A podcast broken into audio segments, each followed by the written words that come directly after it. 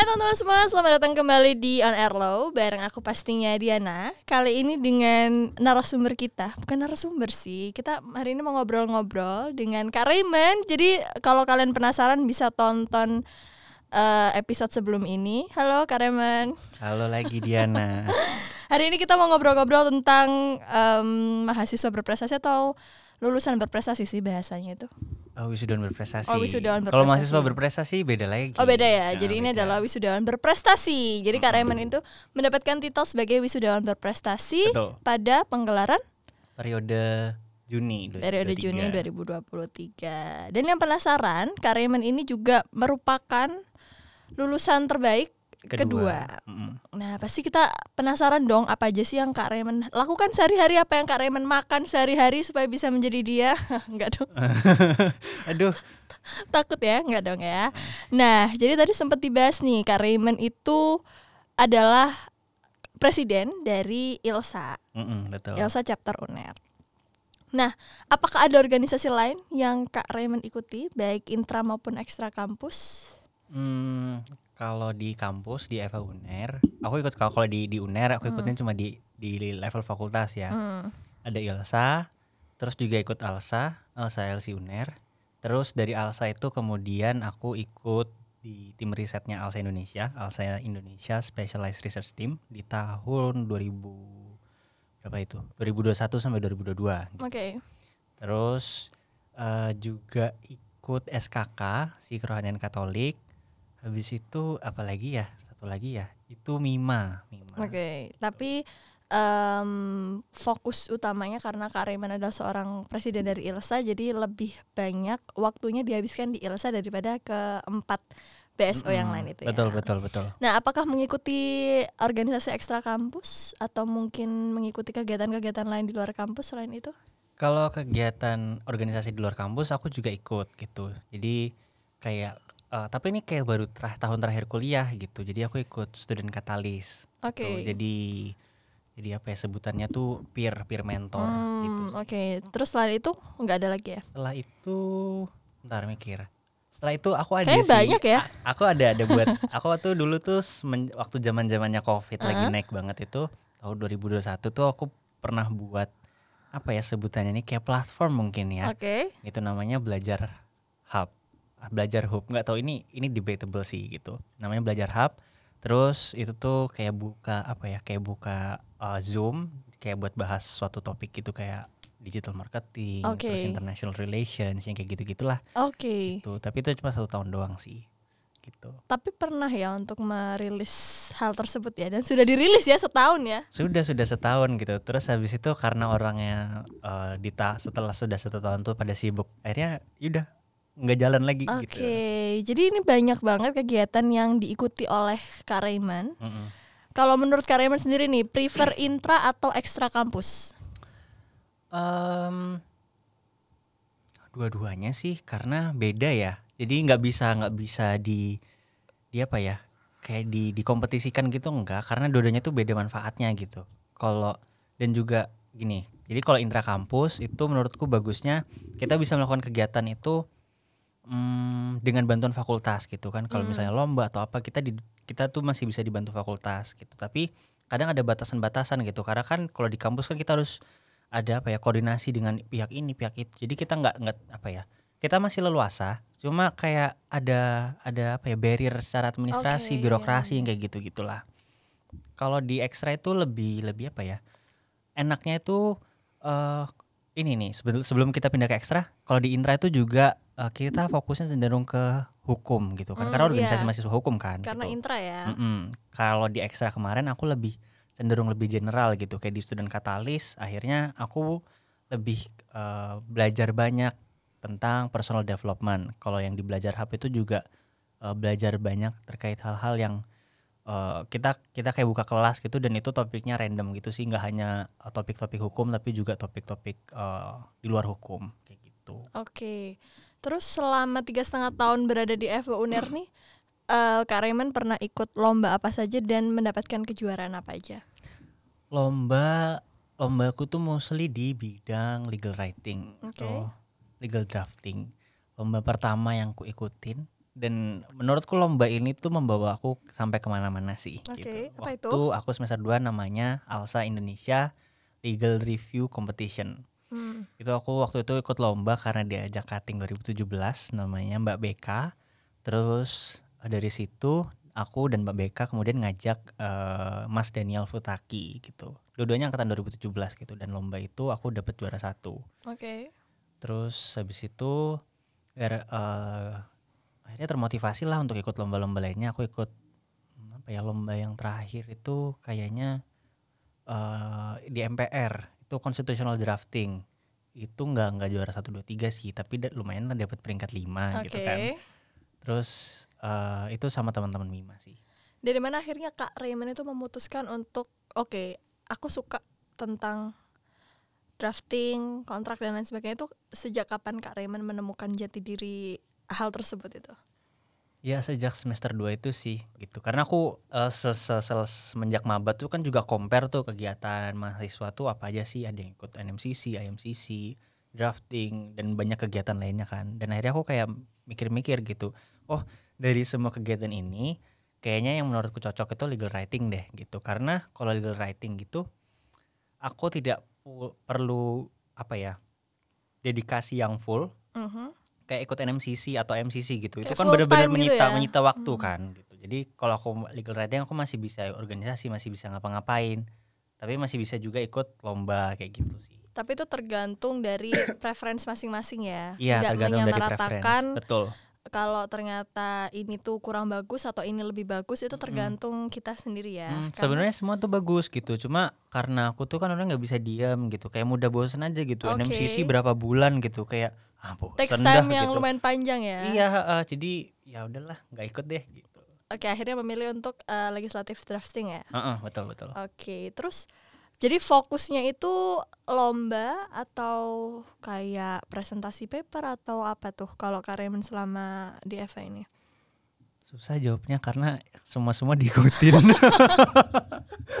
This is the reason ya kenapa Kak Raymond dapat titel eh, lulusan wisudawan berprestasi ini apa jangan-jangan karena itu tuh karena kegiatan yang Raymond punya tuh setumpuk gitu apa gimana tuh? Ya mungkin ya, tapi karena terlalu diverse itu akhirnya kita juga bingung gitu. Kalau mikir sebenarnya aku nih bagusnya ngapain sih gitu, itu jadi bingung sih. Tapi mungkin itu juga karena dapat bisa berprestasi, gitu sih. Jadi semua-semua diikutin ya? Enggak semua juga sih sebenarnya Apa yang gitu. menarik ya? Iya apa yang menarik ikutin gitu. Oke, pernah nggak sih kayak dari lomba satu dengan lomba yang lain tuh kayak bentrokan atau mungkin kayak ada fail di lomba ini dan akhirnya membuat kayak down, merasa kayak aduh aku nggak nggak mau deh ikut lomba kayak gini lagi kayak nggak cocok sama aku atau kayak gimana tuh pernah nggak ngalamin kayak gitu? Kalau lomba bentrok nggak pernah. Jadi kalau aku ikut lomba harus satu-satu gitu. Oke. Karena nggak berani aja gitu kan harus harinya fokusnya kepecah gitu.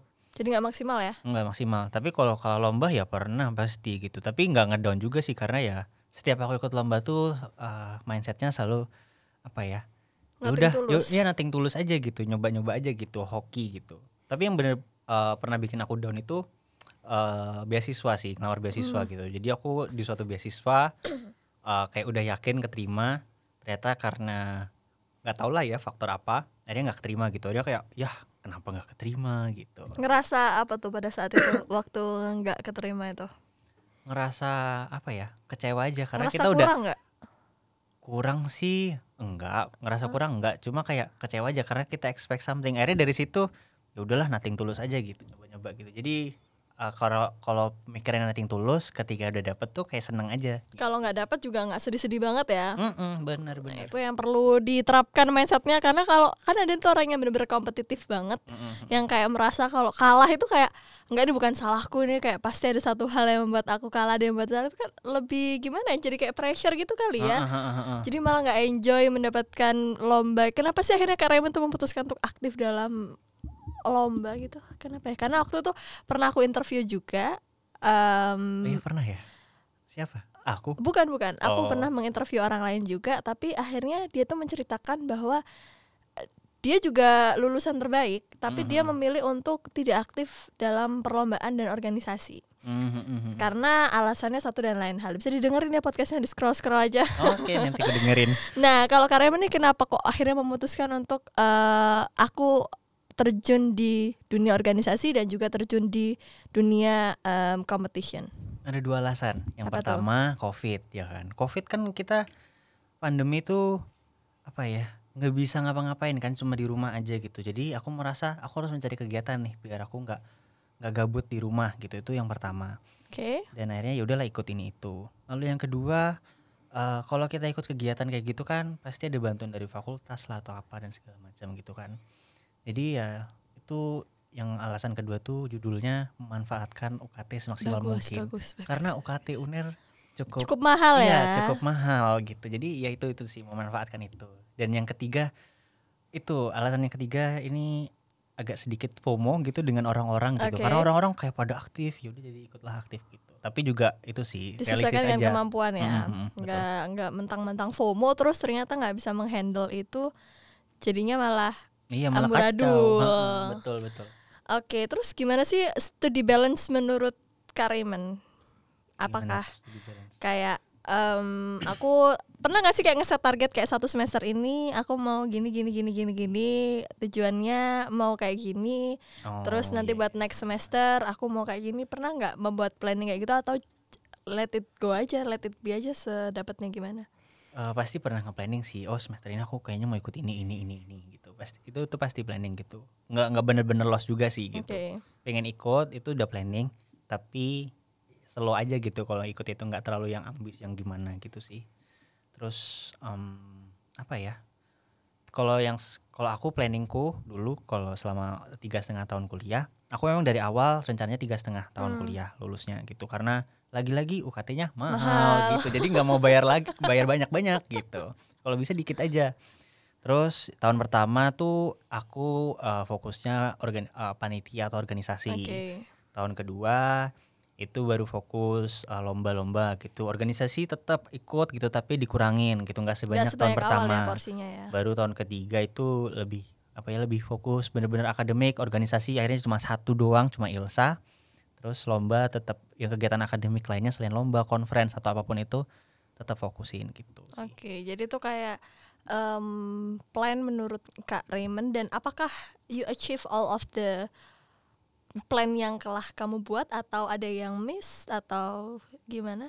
Hmm, plan Bentar lupa deh kayaknya ada yang kemis deh harusnya ya harusnya ya tapi itu nggak nggak benar-benar signifikan sih jadi ya udahlah Still oke ya. still oke lah Hmm, oke Oke, terus ini adalah pertanyaan yang mungkin paling sering ditanyakan. Ketika dikatakan sebagai lulusan berprestasi itu apa sih indeksnya? Apa penilaiannya itu seperti apa sih?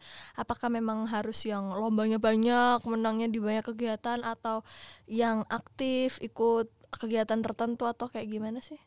jujur untuk soal ini aku juga meraba-raba ya gitu aku pasti kayaknya ada deh ketentuannya gitu kan di peraturan universitas gitu. Cuma aku nggak ngerti peraturannya eh, peraturan nomor berapa dan tahun berapa. Eh tapi kalau aku melihat eh, apa ya track recordku mungkin ya gitu. Mungkin eh, dari hmm, diversitas kegiatannya gitu. Terus juga achievementnya setelah sudah diverse ini achievementnya bagaimana gitu? Juara kah atau bagaimana kah? Mungkin itu sih kayaknya ya gitu. Tapi Oke.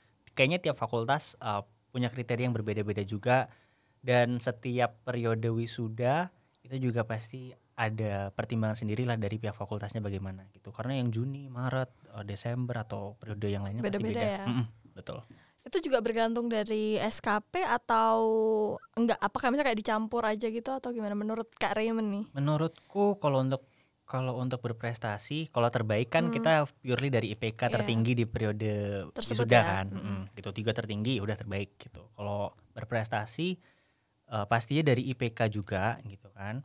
Tapi juga sama SKP dan juga eh, sewaktu ngajukan diri untuk jadi wisudawan berprestasi itu juga ngajukan kayak bukti kegiatan yang pernah diikutin Oke. gitu. Selain eh, apa ya kayak jabaran rincinya gitulah dari SKP itu dari kita ngajukan SKP mungkin itu sih SKP Kak Raymond berapa tuh kemarin? Kita spill spill tipis-tipis nih. aduh takut SKP Around tuh around berapa? Range-nya berapa? ini disclaimer ya karena aku tuh dulu kayak ikut webinar webinar gitu Hmm, online oke. kan gabut kan gitu jadi ikut sangat ini ini ya, itu sangat gak bisa diem sekali ya anaknya ya.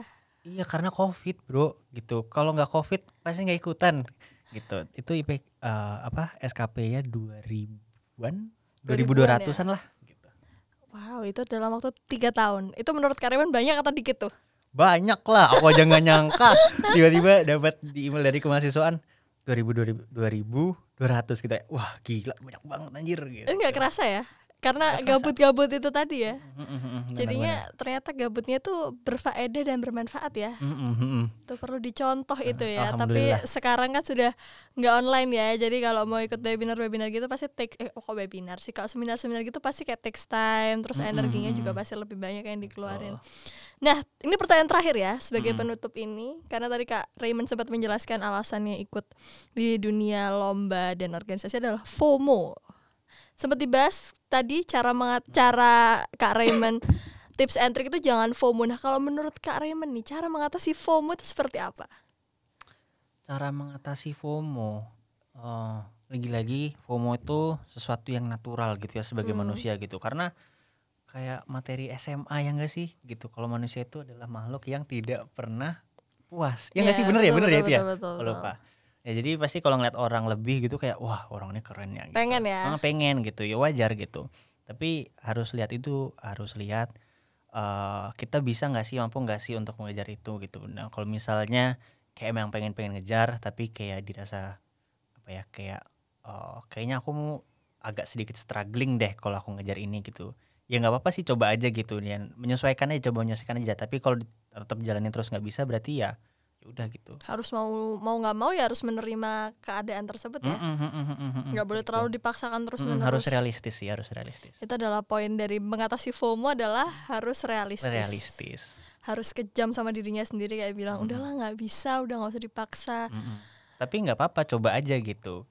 Tapi nggak boleh terlalu berharap lebih ya, kayak Uh-uh. menaruh ekspektasi tinggi terhadap hal tersebut nanti malah jatuhnya sakit kan kayak Mm-mm. kasihan. Iya betul betul. Tapi itu itu perspektifku ya buat Oke. teman-teman pendengar gitu. Ini versi Kak Raymond uh, ya. versi versiku gitu. Tentu kalau diaplikasikan ke orang Belum pasti beda-beda. uh, dan pasti ada beda-beda. yang mungkin sama, ada yang mungkin beda. enggak. uh, uh, betul, ada betul. ada yang mungkin orangnya kayak hustle culture yang kayak "Nggak apa-apa udah ikut Gas aja, coba semua, aja. Ambil Walau nanti 20.